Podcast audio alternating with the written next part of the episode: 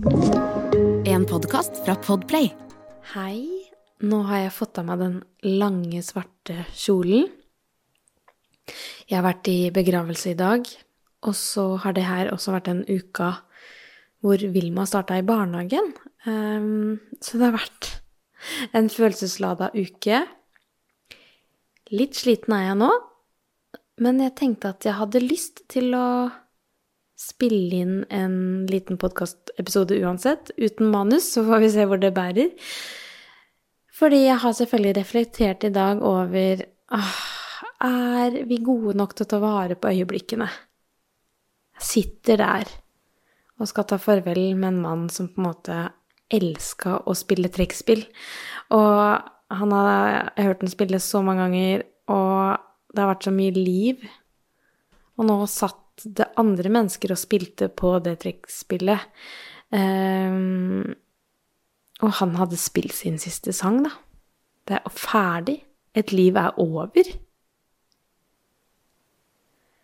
Og det er en som går hjem, som har vært sammen med han, som er da mamma sin beste venninne, som skal hjem nå. Alene.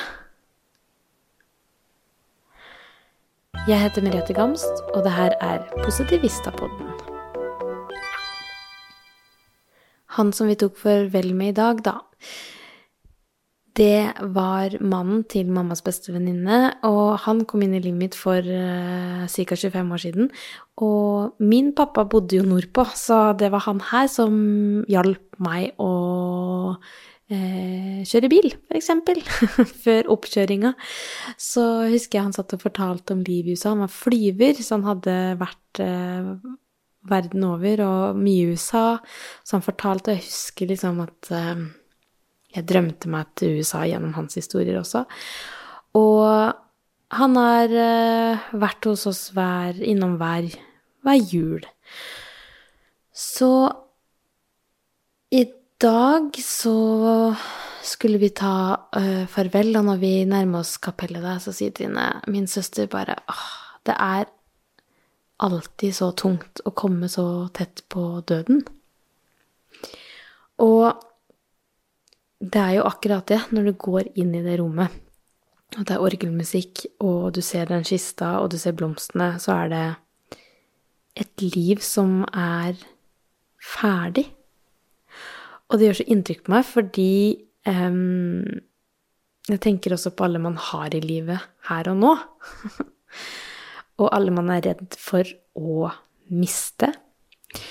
Um, og man har jo foreldre nå som er besteforeldre, ikke sant, og som mamma også sa sånn Jeg har ikke tenkt så mye på at jeg er gammel, jeg, men uh, når jeg ser så små jentene dine er, så tenker jeg på at jeg har så lyst til å være der og se dem vokse opp. og det er så sterkt, da. Og det er jo det eneste man vil, men man vet ikke, og man vet jo ikke Man trenger jo ikke være gammel for at det skal skje noe, det, det vet vet vi jo at ting kan skje, men det der å sitte i det rommet og um, ta farvel At det var barnebarn som hadde sterke taler, og jeg gråt så masse, da. og så, på vei inn i kapellet òg, så møtte jeg en som sa til meg at uh, ja, gratulerer. Og så blir det sånn ja, selvfølgelig, jeg har jo blitt mamma, som babyen min er snart et år, da. Uh, men det er liksom så rart. Men gratulerer, her er det et liv som har kommet til, og så er det et som møtes ved en anledning at noen har gått bort, og så sier hun åh, jeg jobba ikke når eh, barna mine var små, fordi eh, ja, måtte spare inn på andre ting isteden, for det var så viktig for meg å få tid med barna. Og så ble jeg sånn ja. Ja. ja, altså, ja, noen må jo jobbe. Da tenkte jeg ja, det må jeg jo. Um, men så fikk jeg sånn akutt uh, Litt sånn småpanikk for å nettopp gå glipp av ting, da. Med datteren min, som nå akkurat har begynt i barnehagen. Og hun har jo ikke begynt å gå. Og så ble jeg sånn tenk om jeg ikke er der når hun tar sine første skritt.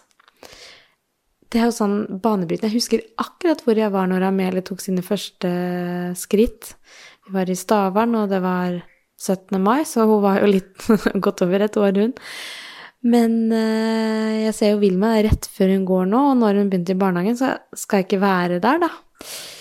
Men så sa hun samme dame at um, hun huska at hun uh, ikke var der når uh, barnet tok sine første skritt. Um, for det var et eller annet annet sted hun var, og at hun liksom har tenkt på det, at da var jeg ikke der. Og så slo det meg at det er jo ikke akkurat bare de første skritta som er viktig, det er jo egentlig hele livet, da. Uh, og så er det jo disse små tinga som er sånn banebrytende, ikke sant. Åh, neste steg og neste steg. Men det aller viktigste vi kan gjøre, er å være der for de når vi er sammen. Det der å virkelig være til stede når vi er sammen. Fordi man kan ikke sitte og holde barnet sitt i hånda hele tiden.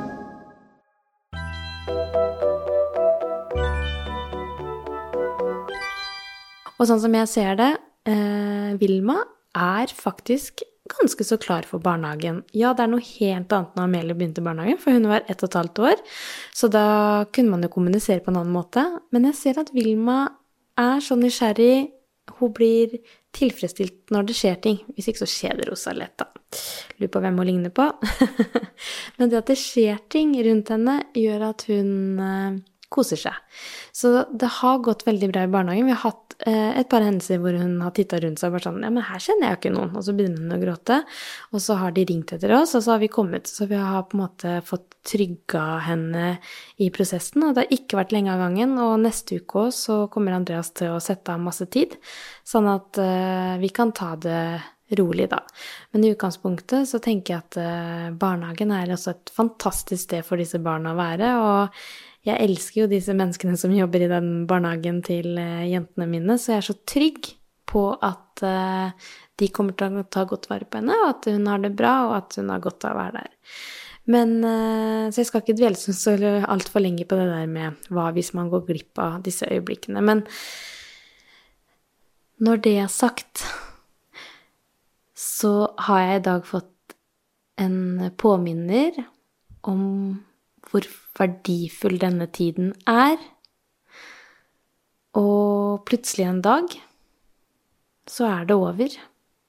Og så er det liksom alle de derre små bagatellene vi stresser over og Ja, som jeg kan stresse over, da. Det betyr jo virkelig ingenting.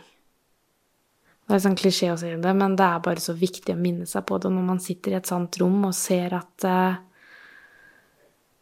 nå er et liv eh, over, så blir jeg sånn Ah, Andreas. Vi har jo nå i det siste sovet på hvert vårt rom, sånn at vi har tatt hvert vårt barn fordi det har vært så lite søvn.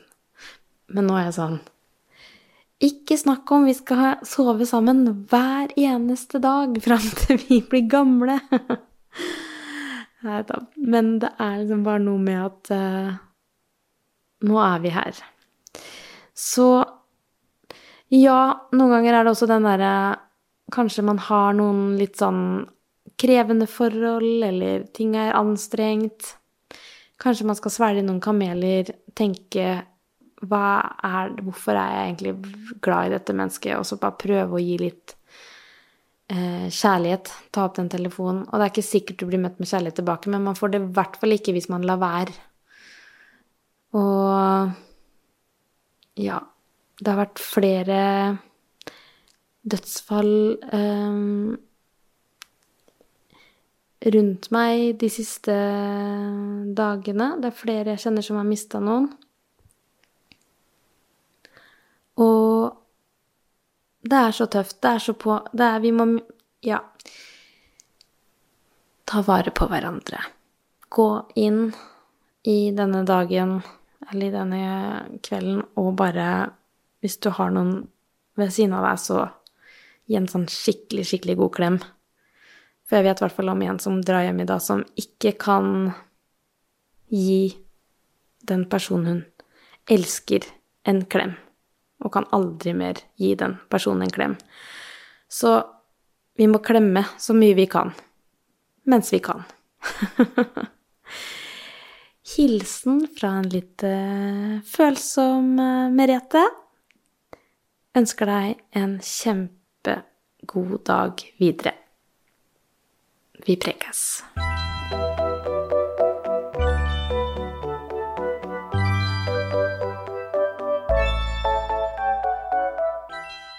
Du har hørt en podkast fra Podplay. En enklere måte å høre podkast på. Last ned appen Podplay, eller se podplay.no.